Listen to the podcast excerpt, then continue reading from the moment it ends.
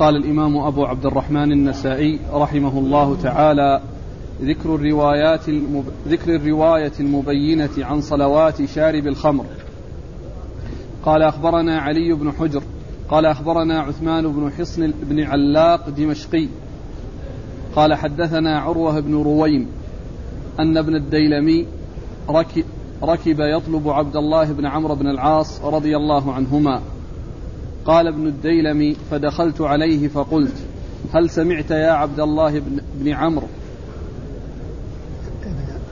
يا عبد الله بن عمرو هل سمعت يا عبد الله بن عمرو؟ رسول الله صلى الله عليه وآله وسلم ذكر شأن الخمر بشيء فقال نعم.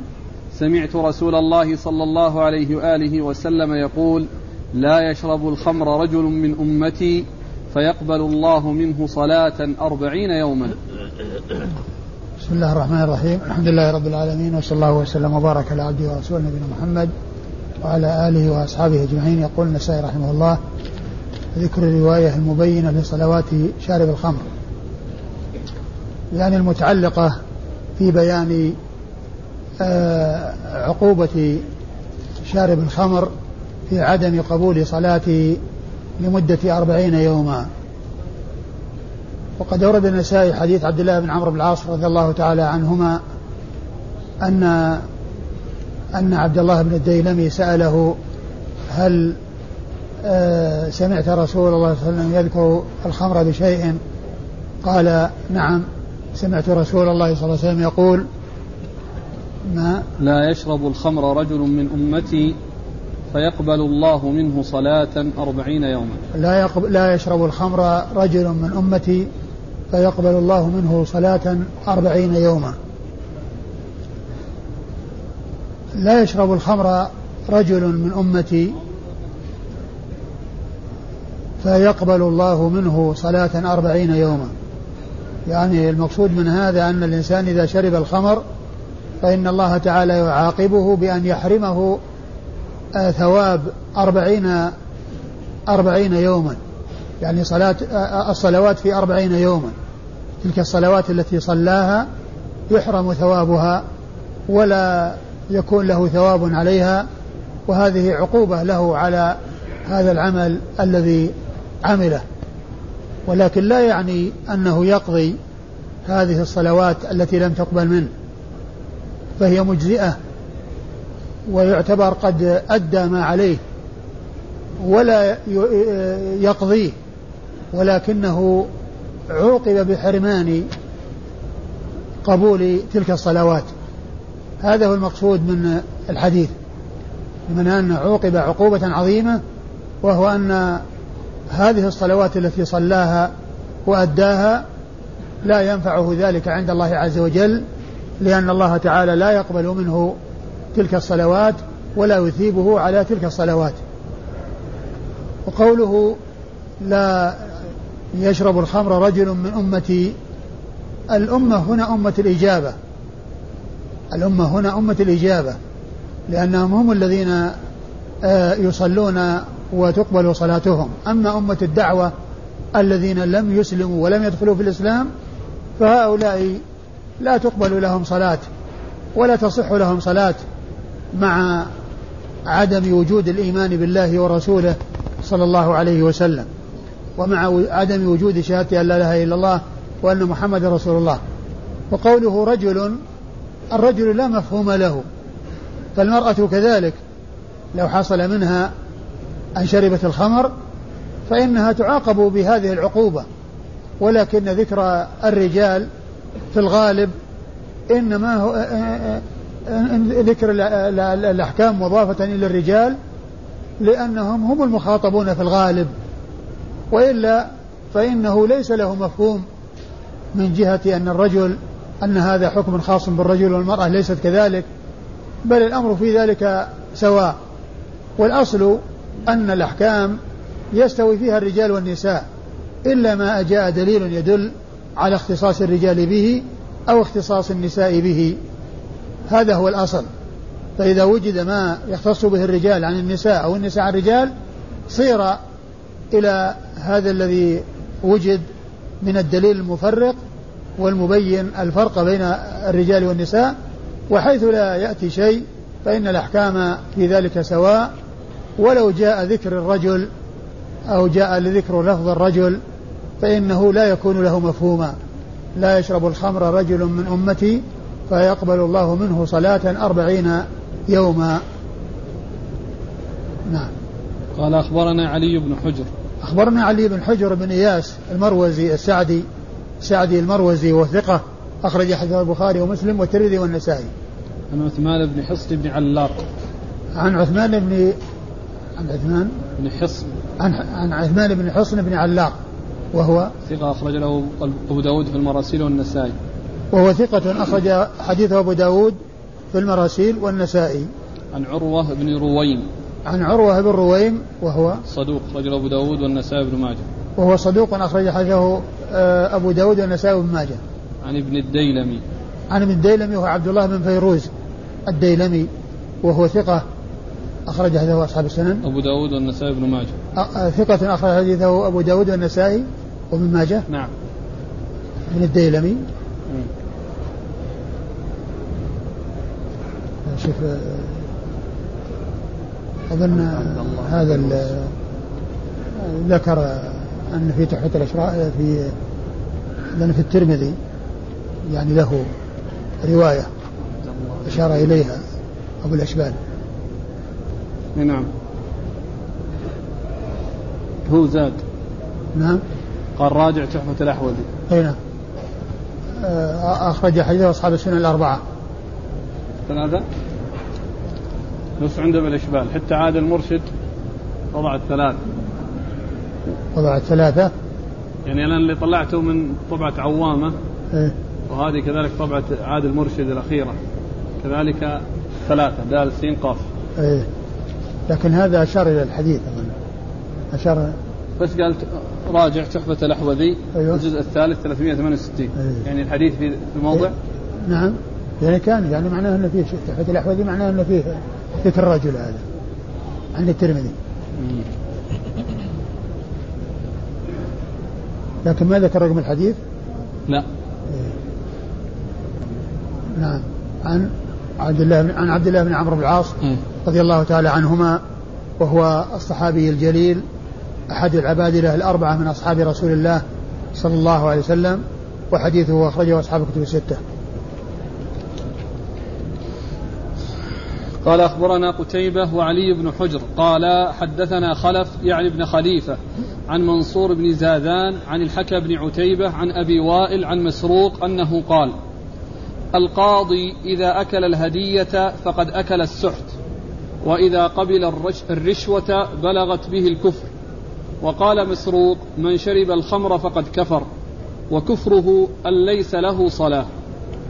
ثم أورد النسائي هذا الأثر عن مسروق وقال القاضي إذا قبل الهدية أو إذا أخذ الهدية فقد أكل السحت لأن قال مقول القول القاضي إذا إذا أخذ الهدية فقد أكل السحت. وليس كما في الرسم في الكتابة قال القاضي ثم تأتي نقطتين فيصير مقول القول يعني بعد ذلك فإن القاضي هو داخل في مقول القول. قال القاضي إذا قال كذا أو القاضي إذا أكل الرشوة إذا أكل ال ال إذا أخذ الهدية فقد أكل السحت. فإن أخذ الرشوة فقد بلغ الكفر. وإذا قبل الرشوة نعم بلغت به الكفر. وإذا قبل الرشوة بلغت به الكفر. و وقال مسروق نعم. من شرب الخمر فقد كفر. وقال مسروق من شرب الخمر فقد كفر وهذا محل الشاهد من إيراد الأثر يعني في هذه الترجمة. من شرب الخمر فقد كفر. ومعنى كفره أنه لا تقبل له. وكفره أن ليس له صلاة. وكفره أن ليس له صلاة يعني مدة أربعين يوما. وكفره أن ليس له صلاة أربعين يوما. فالكافر يعني ليس له صلاة أو أولا يعني آه، لو صلى لا تصح صلاته ولا تقبل صلاته. وهذا الذي شرب الخمر إذا شربها فإنه يحرم أو لا تقبل منه أربعين يوما. فيصير مثل الكافر الذي لا تقبل منه صلاة لو صلى فهذا آه، صلاته التي صلاها في مدة أربعين يوما فإنها لا تقبل منه. فيكون بذلك مشابها الكافر في عدم قبول عمله وأن عمله قد حبط ولكن الكافر آه، كفر آه، حبوط عمله مستمر ودائم وأما هذا فحبوط عمله يتعلق بالصلاة وأنه وأنها لا تقبل لمدة أربعين يوما وأنها لا تقبل لمدة أربعين يوما. وفي هذا الزجر وردع وهو يشبه ما سبق أن مر لا أبالي قول أبي موسى الأشعري لا أبالي آه شربت الخمر أو عبدت هذه السارية من دون الله عز وجل. يعني في بيان خطورة يعني ذلك الذنب وأنه عظيم. لكن لا يكون كفرا إلا مع الاستحلال. إذا وجد الاستحلال صار كفرا مخرجا من الملة. وأما مع عدم الاستحلال فإنه لا يكون كفرا وإنما يكون فسقا. ولكن مشابهته للكافر في أن الكافر لا يقبل له صلاة وهذا لا تقبل له صلاة لمدة أربعين يوما فصار في مشابهة بينه وبين الكافر. ولهذا قال كفره أنه لا يقبل منه صلاة. كفره أنه لا صلاة له. أن ليس له صلاة. كفره أن ليس له صلاة يعني مدة أربعين يوما وليس باستمرار ودائما وأبدا. نعم. ما يقال كفر دون كفر؟ هو نعم كفر دون كفر. يعني هو هو الآن يعتبر من قبيل كفر دون كفر. وليس كفرا مخرجا من الملة.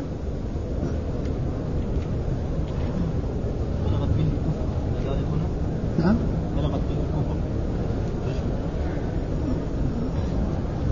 يعني إن كان إنه يعني مع الاستحلال فإنه لا شك أنه كفر وخرج من الملة. وإن كان غير مستحل يعني معناه أنه بلغ يعني مبلغا خطيرا. يعني يكون أكبر من الكبائر لأن الذنب الذي يوصف بأنه كفر يكون يعني أكبر من غيره يعني مما لم يوصف بأنه كفر. يعني معناه بلغ إلى حد أعلى وأقصى فيما يتعلق بعظم الكبائر لأن الذنوب التي توصف بأنها كفر هذه أخطر من الذنوب التي لا توصف بأنها كفر. وإن وجد الاستحلال فقد وجد الكفر المخرج من الملة. قال إيش؟ الاولى القاضي القاضي إذا قبل الرشوة فقد أكل الثوم القاضي إذا قبل الهدية. نعم. القاضي وكذلك غير القاضي. يعني القاضي هو مثال. وإلا فإن أي موظف إذا قبل الهدية فإنه يكون أكل السحت. لأن ال ال قصة آه، ابن اللتبية الذي كان عاملا وليس قاضيا عاملا على على على الصدقه ولما جاء قال هذا لكم وهذا أهدي إلي وهذا أهدي إلي. فالرسول صلى الله عليه وسلم قال ألا جلس في بيت أمه؟ لينظر هل تصل إليه هديته. يعني هذا ما جاء إلا من أجل الوظيفة ومن أجل المنصب. ما جاء من أجل أنه فلان ابن فلان. لأنه إذا كان من أجل فلان فلان تأتي هديته في بيته. لكن كونه يذهب في عمل من الأعمال أو يكون مسؤول أو يكون في منصب من المناصب ثم يعطى من أجل منصبه ومن أجل مداراته أو من أجل الحصول على شيء منه في مقابل هذا الذي يعطى إياه في في آه، مراعاة لموقعه وكونه في العمل وأنه يعني يسهل له أمور ويحقق له في مقابل هذه ال هذه ال الهدية فقد أكل السحت. ولكن يعني إذا يعني آه، أعطي الشيء على أنه رشوة فهذا يعني معنى أخطر من قضية الهدايا وما يوصف بأنه هدية. لأن الإنسان يعطى قد يهدى إليه من غير ما يكون هناك شيء يعني يرتبط بقضية. ولكن الرشوة تأتي مرتبطة من أجل الوصول إلى مأرب ومن أجل الوصول إلى إلى شيء دفع الرشوة من أجلها. وأما ذاك يمكن ما جرى بينه وبين شيء. ولكنه يريد يعني فيها مجال وفي وفيها يعني آه، شبهة من ناحية أن الإنسان يريد من ورائها أن يحصل على شيء في المستقبل. لو حصل بينه وبين أحد أو صار له حق فإنه يجد آه، مجالا لكونه آه، قد أعطاه هدية. ولكنه كونه يعني يعطي الرشوة على اعتبار أنها يريد أن يتوصل إلى شيء. يقول اعمل لي كذا وكذا ولك كذا وكذا حقق لي كذا وخذ هذا المبلغ مقابل يعني ذلك الشيء. فهذا هو الرشوة. وهي أخطر من من الهدية لأن الهدية يمكن ما هناك يعني شيء آه، موجود آه، دفع المبلغ في من أجله. ولكنه يمكن أن يكون تخطيط وتهيئة للمستقبل. ولهذا صار هذا دون هذا. هذا بلغ أكل السحت وهو حرام وهذا آه، بلغ الكفر.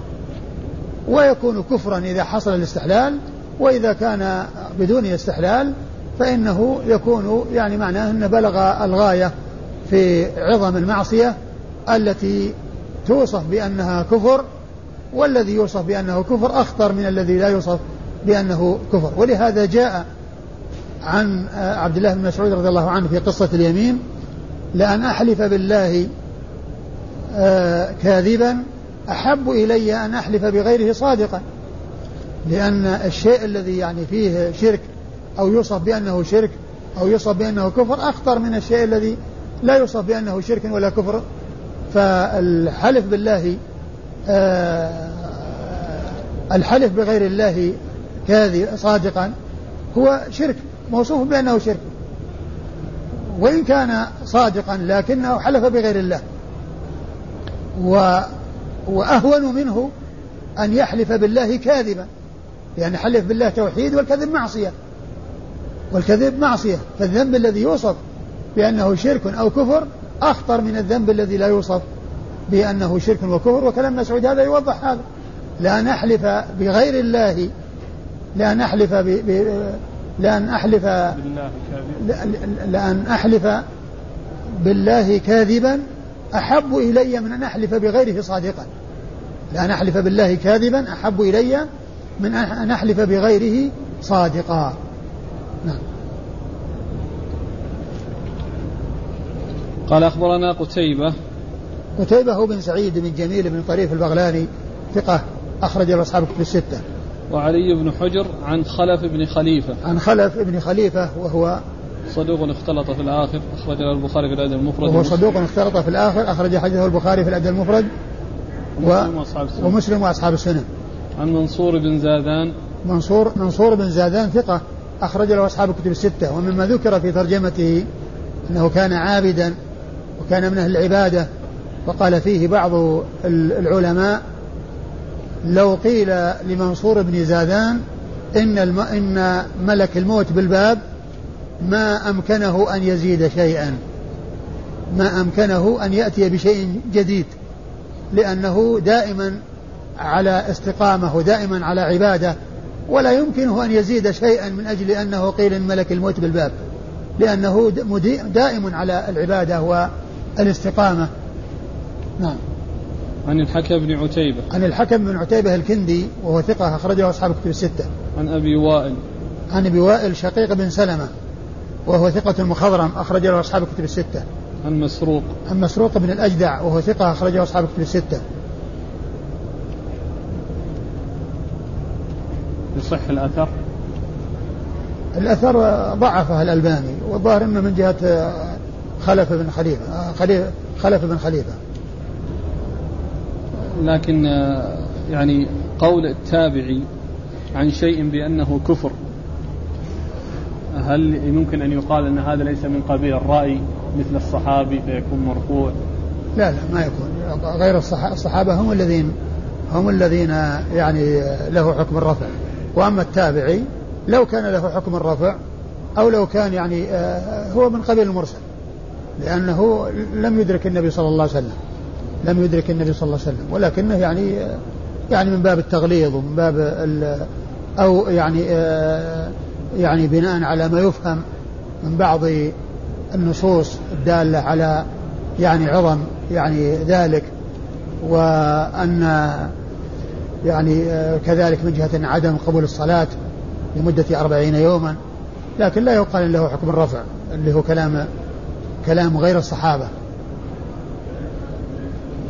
قال رحمه الله تعالى ذكر الآثام المتولدة عن شرب الخمر من ترك الصلوات ومن قتل النفس التي حرم الله ومن وقوع على المحارم. قال أخبرنا سويد قال أنبأنا عبد الله عن معمر عن الزهري عن أبي بكر بن عبد الرحمن بن الحارث عن أبيه أنه قال سمعت عثمان رضي الله عنه يقول اجتنبوا الخمر فإنها أم الخبائث إنه كان رجل ممن خلا قبلكم تعبد فعلقته امرأة غوية فأرسلت إليه جاريتها فقالت له إنا ندعوك للشهادة. فانطلق مع جاريتها فطفقت كلما دخل بابا أغلقته دونه حتى أفضى إلى امرأة وضيئة عندها غلام وباطية خمر. فقالت إني والله ما دعوتك للشهادة ولكن دعوتك لتقع علي أو تشرب من هذه الخمرة كأسا أو تقتل هذا الغلام. قال فاسقيني من هذا الخمر كأسا فسقته كأسا. قال زيدوني. فلم يرم حتى وقع عليها. وقتل النفس فاجتنبوا الخمر فإنها والله لا يجتمع الإيمان وإدمان الخمر إلا ليوشك أن يخرج أحدهما صاحبه.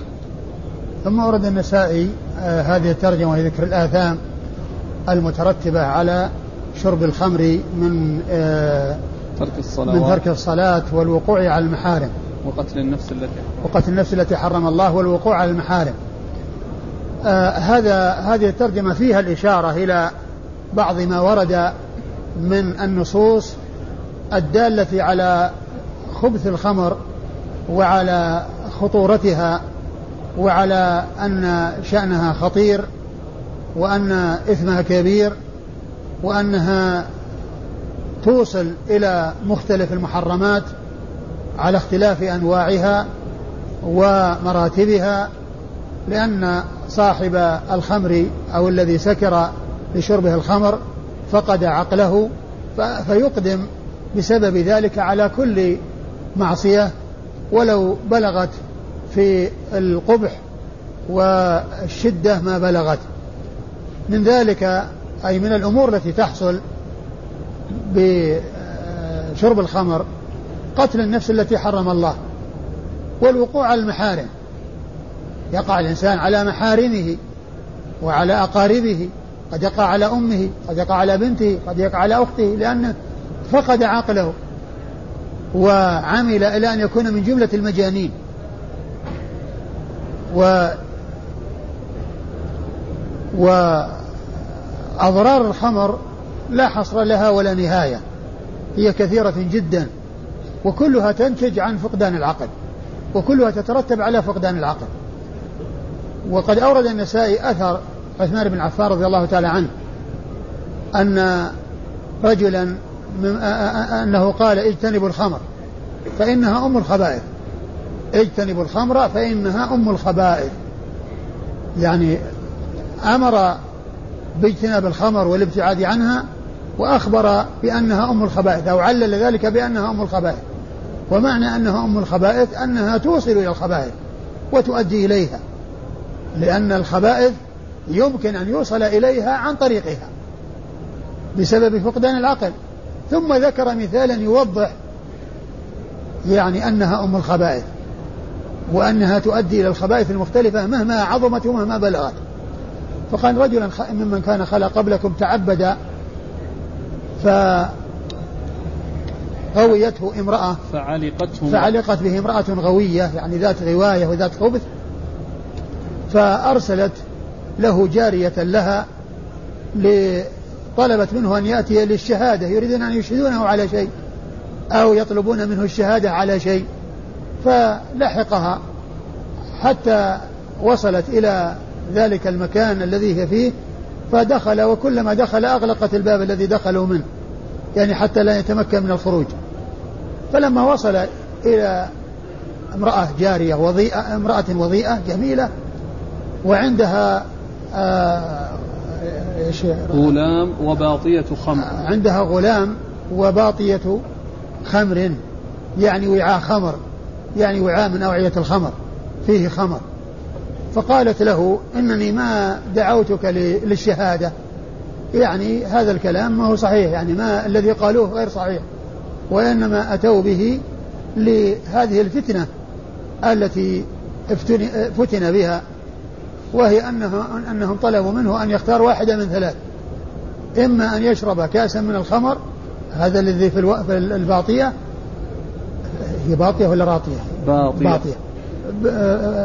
من هذا الخمر أو يقتل هذا الغلام أو يقع عليها هي. فاختار أو ظن أن كأس من الخمر أخف. أخف من القتل ومن الزنا. فشرب كاسا فطلب الزيادة حتى سكر. ولما سكر وطأ عليها وطئها وقتل الغلام. فصارت الأمور الثلاثة كلها تجمعت وحصلت له. هذه الأمور الثلاثة حصلت له بشربه الخمر. وهذا يبين أن الخمر أم الخبائث. وكيف كانت أم الخبائث؟ لأنها تؤدي إلى الخبائث بسبب فقدان آه العقل. ثم فإنها فاجتنبوا الخمر. ثم بعد أن ذكر القصة التي أراد أن يمثل لكونها أم الخبائث أكد ما سبق أن قاله قبل ذكر القصة وهي قوله اجتنبوا الخمر. اجتنبوا الخمر فإنها أم الخبائث. وأتى بهذه القصة تبين أنها أم الخبائث. ثم رجع وأكد هذا الأمر بقوله فاجتنبوا الخمر. فاجتنبوا الخمر يعني تأكيد مرة ثانية. بعد ذكر هذه القصة التي تمثل تبين آآ آآ أنها أم الخبائث. ثم قال فإنها فإنها والله لا يجتمع الإيمان وإدمان الخمر إلا ليوشك أن يخرج أحدهما صاحبه. فإنه لا يجتمع الإدمان يعني الإدمان الخمر يعني وهو مداومة شربها إلا لأوش والإيمان إلا لأوشك أن يخرج أحدهما صاحبه.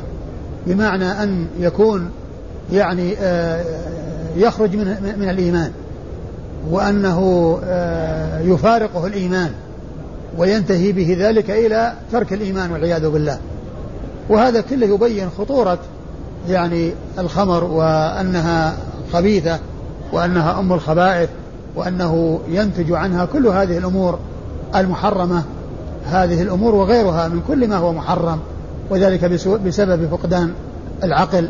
وذهابه وكون الإنسان سعى إلى أن يكون بدل أن يكون من العقول إلى أن يكون من المجانين وممن هو شبيه بالبهائم التي لا عقل لها. وهذا أثر عن عثمان رضي الله تعالى عنه وقوله في الآخر أنه لا يجتمع كذا وكذا يعني آه، آه، يفيد بأن له حكم الرفع. وكذلك الإخبار يعني عن هذه ال ال ال القصة التي حصلت ممن كان قبلنا أيضا لا يمكن أن يعرف إلا عن طريق الرسول صلى الله عليه وسلم أو عن طريق الكتب السابقة. ومن المعلوم أن عثمان رضي الله تعالى عنه وأرضاه ليس معروفا بالأخذ من كتب المتقدمين. فيمكن أن يكون له حكم الرفع يعني هذا هذا الأثر. قال أخبرنا سويد. سويد بن نصر المروزي ثقة أخرج حديث الترمذي والنسائي. عن عبد الله بن المبارك المروزي ثقة أخرج له أصحاب الكتب الستة. عن معمر. عن معمر بن راشد الأزدي البصري ثقة أخرج له أصحاب الكتب الستة. عن الزهري. عن الزهري محمد بن مسلم بن عبيد الله بن شهاب الزهري ثقة أخرج له أصحاب الكتب الستة. عن أبي بكر بن عبد الرحمن بن الحارث. عن أبي بكر بن عبد الرحمن بن الحارث بن هشام وهو ثقة فقيه أحد فقهاء المدينة السبعة في عصر التابعين على أحد الأقوال الثلاثة في السابع منهم وحديثه أخرجه أصحاب الكتب الستة. عن أبيه وهو عبد الرحمن بن الحارث بن هشام وهو قيل آه، له رؤية وقيل هو آه، من ثقات كبار التابعين وحديث أخرجه البخاري وأصحاب السنن عن عثمان.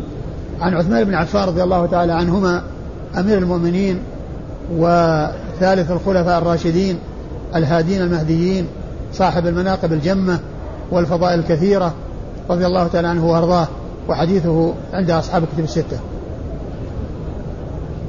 قال أخبرنا سويد قال أخبرنا عبد الله يعني ابن المبارك عن يونس عن الزهري قال حدثني أبو بكر بن عبد الرحمن بن الحارث أن أباه قال سمعت عثمان رضي الله عنه يقول اجتنبوا الخمر فإنها أم الخبائث فإنه كان رجل ممن خلا قبلكم يتعبد ويعتزل الناس فذكر مثله قال فاجتنبوا الخمر فإنه والله لا يجتمع والإيمان فإنه والله لا يجتمع والإيمان أبدا إلا يوشك أحدهما أن يخرج صاحبه. ثم ورد النسائي الأثر عن عثمان رضي الله عنه من طريق أخرى وهو مثل الذي قبله إلا أن فيه آه، ال ال عدم ذكر القصة التي هي قصة الذي خلا من قبلنا إحالة إلى الحديث الرواية السابقة حيث قال مثله فذكر مثله أي مثل ما تقدم في الحديث الذي قبله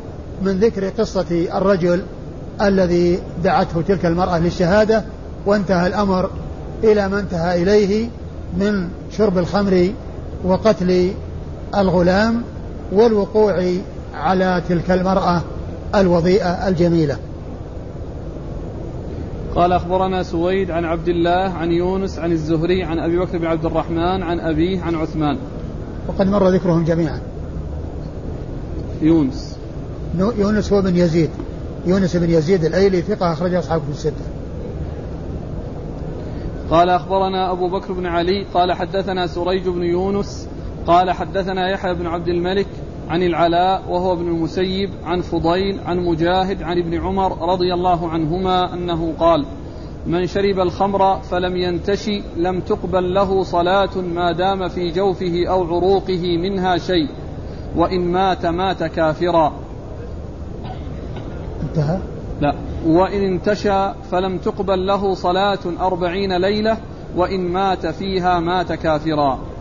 خالفه يزيد بن أبي زياد. ثم ورد النسائي آه حديث ابن عمر. حديث ابن عمر رضي الله تعالى عنهما أن النبي صلى الله عليه وسلم يقول ابن عمر. يقول يعني موقوف. يقول من؟ من شرب الخمر فلم ينتشي لم تقبل له صلاة ما دام في جوفه أو عروقه منها شيء. من شرب الخمر فلم ينتشي يعني لم لم يسكر أو لم يحصل له السكر. إيش؟ لم تقبل له صلاة ما دام في جوفه أو عروقه منها شيء. ما لم تقبل له صلاة ما دام في جوفه أو عروقه منها شيء. يعني آآ آآ أن يعني أن عقوبته يعني في هذه الحالة التي هي كون لم يصل إلى حد الإسكار فإنه ما دام أن في عروقه منها شيء الوقت الذي كان يعني آثار الخمر موجودة في جسمه فإنه لا تقبل له صلاة. وهو أخف من الذي بعده الذي سيكون عدم القبول لمدة أربعين يوما. أربعين مدة أربعين يوما. وإن مات مات كافرا. وإن مات مات كافرا. وإن مات مات كافرا. يعني إذا كان مستحلا للخمر أو لشرب الخمر فإنه يكون كافرا. وإن كان غير مستحل فإنه لا يكون كافرا ولكنه وصل إلى أمر خطير وإلى أمر عظيم وهو من الكفر دون الكفر. وإن انتشى. نعم. وإن انتشى لم لم تقبل له صلاة أربعين ليلة. وإن انتشى لم تقبل له صلاة يعني إن سكر لم تقبل له صلاة أربعين ليلة. يعني معناه أنه يحرم ثواب تلك الصلوات ولا يث... ولا يحصل له ثواب لتلك الصلوات لأن حرم ذلك وصارت عقوبته بأن حرم هذا الفضل العظيم.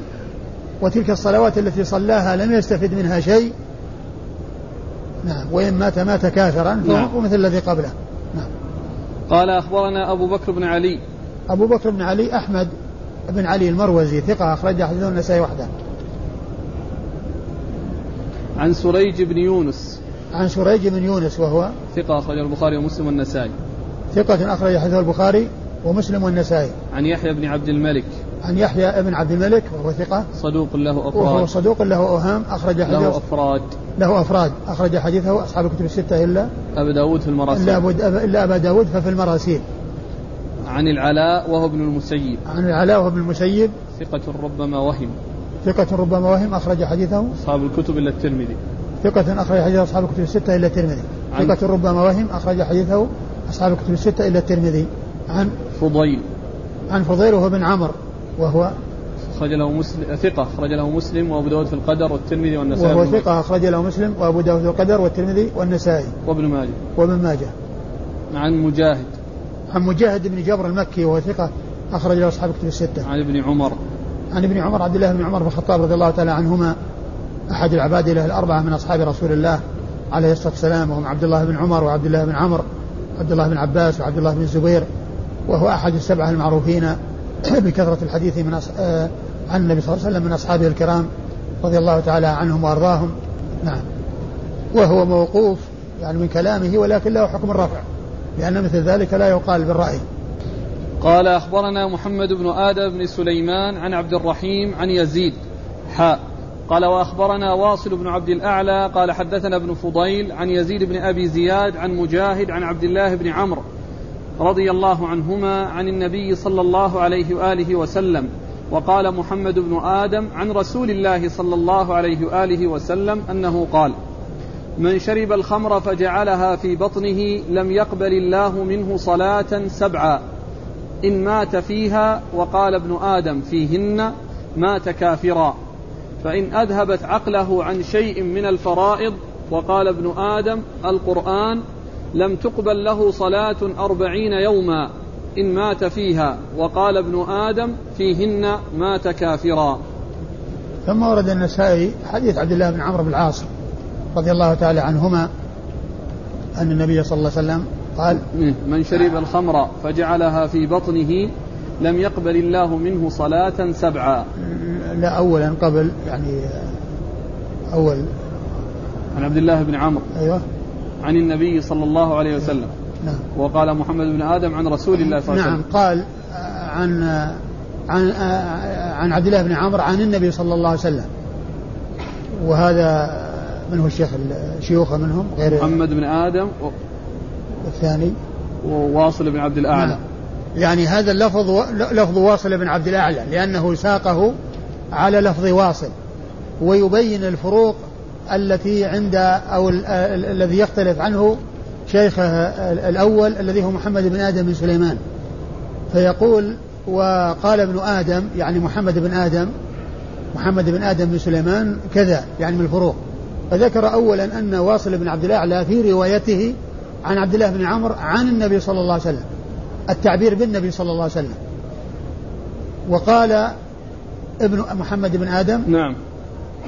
عن رسول الله. عن رسول الله صلى الله عليه وسلم. يعني الفرق التعبير بعن بالنبي والرسول. التعبير أن الشيخ الأول الشيخ الثاني الذي هو واصل بن الأعلى عبر بالنبي عليه الصلاة والسلام. والشيخ الأول الذي هو محمد بن آدم ما عبر بالنبي ولكنه عبر بالرسول صلى الله عليه وسلم. وهذا يبين لنا الدقة التي عند العلماء في الألفاظ والمحافظة عليها وأنه يعني حتى مثل هذا اللفظ الذي يعني لا يؤثر سواء قيل النبي أو قيل الرسول لأن ذلك كل وصف للرسول صلى الله عليه وسلم فهو النبي وهو الرسول صلى الله عليه وسلم. لكن حصول أن واحدا عبر بكذا وواحد عبر بكذا ينبهون عليه. وهذا مما يبين ما سبق أن أشرت إليه من أن ذكر السيادة للرسول صلى الله عليه وسلم وتسويده عند ذكره صلى الله عليه وسلم دائما وأبدا ليس هذا منهج السلف وليس هذا طريقة السلف. لأن الأحاديث تنتهي إلى الرسول صلى الله عليه وسلم في مختلف الكتب وكلها قال رسول الله صلى الله عليه وسلم كذا أو سمعت رسول الله صلى الله عليه وسلم يقول كذا أو أمر رسول الله بكذا وكذا.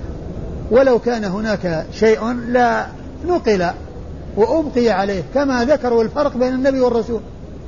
مثل ما ذكروا الفرق بين النبي والرسول هذا عبر بالنبي وهذا عبر بالرسول وما أغفلوا هذا. فلو كان هناك شيء من التعبير من هذا القبيل ما أغفلوه وما تركوه. ولكن هذا شأنهم وهذه طريقتهم التي كانوا يفعلونها. وكل ذلك حذرا من الغلو وأن يعني آه، آه، يقدموا على شيء قد يؤدي إلى غلو. ولهذا في بعض الأحاديث أن النبي صلى الله عليه وسلم لما قيل له يا خيرنا ويا سيدنا قال قولوا قولكم أو بعض قولكم ولا يستهوينكم الشيطان. إنما أنا عبد فقولوا عبد الله ورسوله صلوات الله وسلامه وبركاته عليه. إذا هذا المثال أو هذا التفريق الذي ذكره النسائي عن شيخيه حيث عبر أحدهما عند ذكر النبي صلى الله عليه وسلم بالنبي والثاني بالرسول صلى الله عليه وسلم يدلنا على العناية الفائقة والمحافظة على الألفاظ من الرواة أو من المؤلفين حيث يعتنون بإثبات الشيء كما هو. نعم.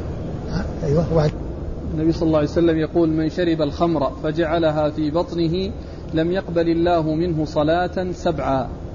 من شرب الخمر فجعلها في بطنه لم يقبل الله منه صلاة سبعا يعني سبعة أيام. نعم. إن مات فيها وقال ابن آدم فيهن مات كافرا. إن مات فيها هذا لفظ محمد بن عبد عبد الأعلى. واصل بن عبد الأعلى. واصل بن عبد الأعلى. ومحمد قال فيهن يعني هذا التعبير فيها وقال هذا فيهن. أيوة. مات كافرا. مات كافرا نعم. فإن أذهبت عقله عن شيء من الفرائض وقال ابن آدم القرآن لم تقبل له صلاة أربعين يوما. ثم ذكر أيضا عبارة واصل بن عبد الأعلى وعبارة يعني قال من الفرائض ومحمد بن آدم قال من القرآن. لم تقبل له صلاة أربعين يوما. فإن مات مات إن مات فيها وقال ابن آدم فيهن مات كافرا. إن مات فيها وقال يعني في مات فيها التعبير هذا تعبير واصل بن عبد الله وفيهن بدل فيها هذا لمحمد بن آدم.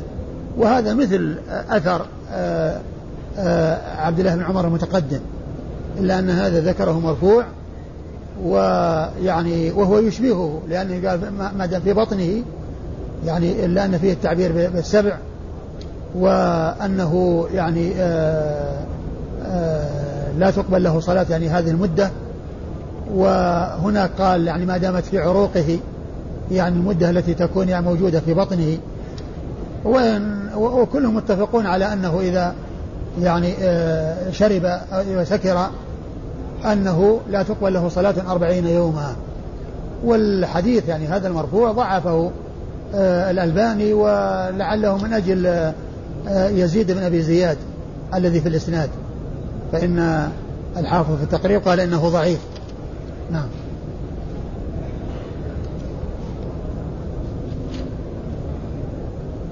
الإسناد؟ قال أخبرنا محمد بن آدم بن سليمان. محمد بن آدم بن سليمان الجهني. صدوق أخرج حديثه النسائي أبو داود والنسائي. عن عبد الرحيم. عن عبد الرحيم بن سليمان وهو ثقة أخرجه أصحاب كتب الستة. عن يزيد. عن يزيد بن أبي زياد وهو ضعيف أخرج حديث البخاري تعليقا ومسلم وأصحاب السنن. حاء وأخبرنا واصل بن عبد الأعلى. ثم قال حاء وهي للتحول من إسناد إلى إسناد واصل بن عبد الأعلى ثقة أخرج حديثه مسلم وأصحاب السنن. عن ابن فضيل. عن ابن فضيل محمد بن فضيل بن غزوان صدوق. أخرج له أصحاب كتب الستة. عن يزيد بن أبي زياد عن مجاهد عن عبد الله بن عمرو. وقد مر ذكرهم جميعا.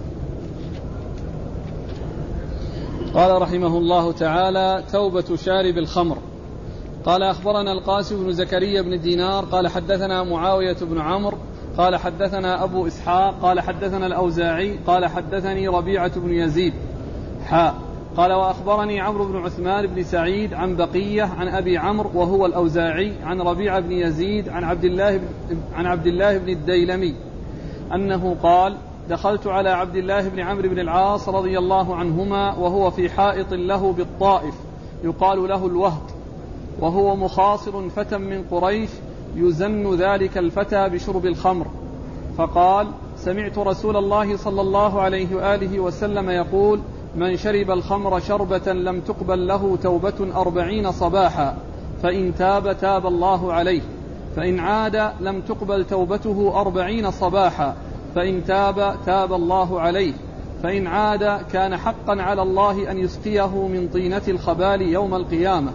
اللفظ لعمر ثم ورد النسائي آه هذه الترجمة هي توبة شارب الخمر. توبة شارب الخمر. من المعلوم أن التوبة بابها مفتوح ويتجب ما قبلها ومن تاب تاب الله عليه. والتوبة التي تكون نافعة ومقبولة هي النصوح التي اجتمع فيها شروط وهي الإقلاع من الذنب والندم على ما حصل في الماضي والعزيمة في المستقبل على أن لا يعود إليه. هذه ثلاث شروط. يقلع يعني يكف وينقطع ويترك. ويندم على الفعل الذي قد مضى من الذنوب في هذه المعاصي. ويعزم يعقد العزم على أن لا يعود إليه في المستقبل.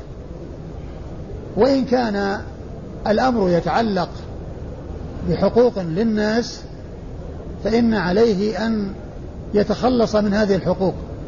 إن كانت مالا رد المال إلى أهله وإن كانت غير مال بأن تتعلق بالكلام وما إلى ذلك فإنه يستبيح ويطلب منهم الحل والمسامحة.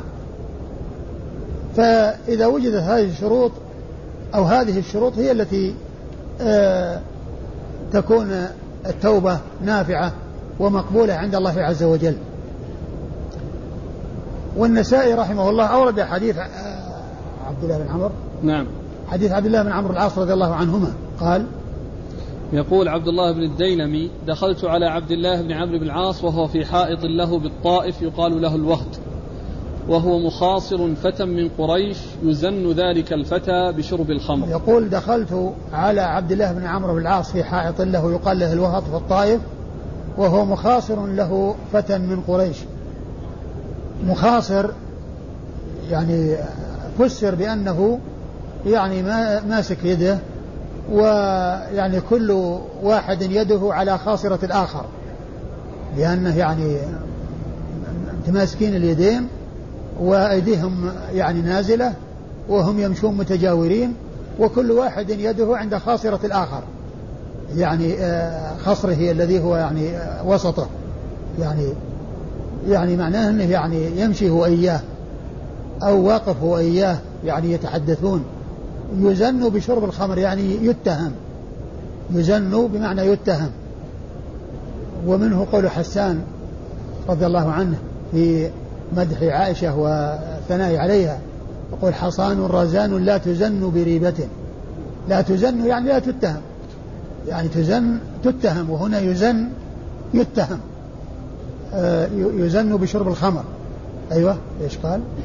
فقال سمعت رسول الله صلى الله عليه وآله وسلم يقول من شرب الخمر شربة لم تقبل له توبة أربعين صباحا فقال سمعت رسول الله صلى الله عليه وسلم يقول من شرب الخمر من شرب إيه من شرب الخمر شربة. شربة يعني يعني مرة من المرات لم تقبل له توبة أربعين صباحا.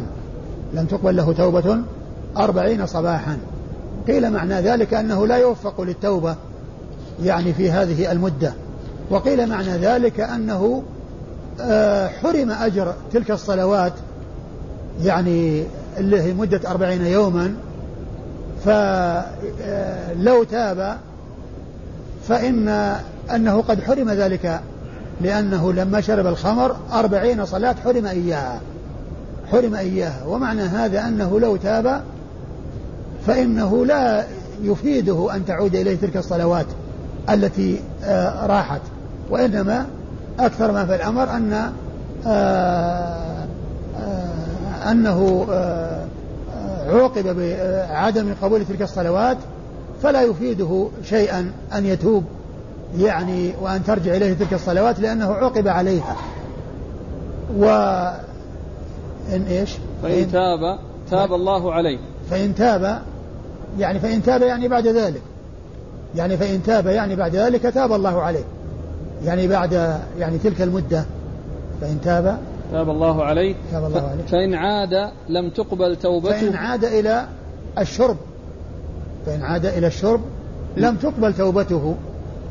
أنت لم تقبل توبته أربعين صباحا. نعم نعم. فإن عاد عاد لم تقبل توبته أربعين صباحا أربعين صباحا. يعني مثل مثل ذلك. يعني تلك المدة التي حرم ثوابها وهي أربعين صلاة بسبب شربه الخمر للمرة الثانية أيضا أربعين صلاة لا تقبل له. صباحا. صباحا نعم. يعني صباحا يعني يوما مقصود بمثل ما تقدم ليلا أو يوما ليلة أو يوما أو صباحا المقصود بذلك أنه آه يعبر عن الشيء ببعضه أو بجزئه. فإن تاب تاب الله عليه. فإن تاب يعني بعد ذلك تاب الله عليه. يعني كون تلك العقوبة عوقب إياها ولكن كونه تاب يتوب الله عز وجل عليه من ولكنه حرم ذلك الأجر الذي حصل.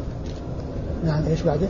فإن عاد كان حقا على الله أن يسقيه من طينة الخبال يوم القيامة. فإن عاد للمرة الثالثة فإنه حقا على الله أن يسقيه من طينة الخبال.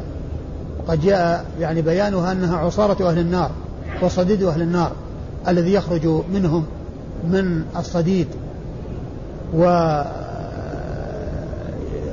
يعني معناه إذا كان أنها يعني بلغ يعني الخبث في إدمان الخمر والمداومة عليها وأنه يعاقب بتلك العقوبات العظيمة ومع ذلك لا يعني يعتبر ولا يتعظ ثم بعد ذلك يعود. فإن الله عز وجل يسقيه من طينة الخبال وهي الصديد الذي يخرج من أهل النار والعياذ بالله. وهو أقبح ما يكون وأخس ما يكون. نعم. قال أخبرنا القاسم بن زكريا بن دينار. القاسم بن زكريا بن دينار وهو ثقة أخرج حديثه أبو داود والنسائي وابن ماجه. مسلم والترمذي والنسائي وابن ماجه. مسلم والترمذي والنسائي وابن ماجه. عن معاوية بن عمرو. عن معاوية بن عمرو وهو ثقة أخرج له أصحاب كتب الستة. عن أبي إسحاق. عن أبي إسحاق وهو الفزاري وهو إبراهيم ابن محمد بن الحارث وهو ثقة أخرج له أصحاب الكتب. وهو ثقة أخرجه أصحاب الكتب الستة. عن الأوزاعي. عن الأوزاعي عبد الرحمن بن عمرو الأوزاعي. ثقة فقيه أخرجه أصحاب الكتب الستة. عن ربيعة بن يزيد. عن ربيعة بن يزيد وهو ثقة أخرجه أصحاب الكتب. نعم. أخرجه أصحاب الكتب الستة. حاء قال وأخبرني عمرو بن عثمان بن سعيد. قال حاء وأخبرني عمرو بن عثمان بن سعيد بن كثير والحمصي وهو صدوق أخرج حديثه أبو داود والنسائي وابن ماجه. عن بقية. عن بقية بن الوليد الحمصي وهو صدوق آه، كثير التدليس عن الضعفاء وحديثه أخرجه البخاري تعليقا ومسلم. وأصحاب السنة الأربعة. عن أبي عمرو وهو الأوزاعي عن ربيعة بن يزيد عن عبد الله بن الديلمي عن عبد الله بن عمرو. عبد الله بن الديلمي هو عبد الله بن فيروز. الديلمي وهو ثقة أخرج حديثه أصحاب السنة الأربعة. ثقة ولا صدوق مر بنا قريبا. مر بنا ثقة. ثقة. نعم.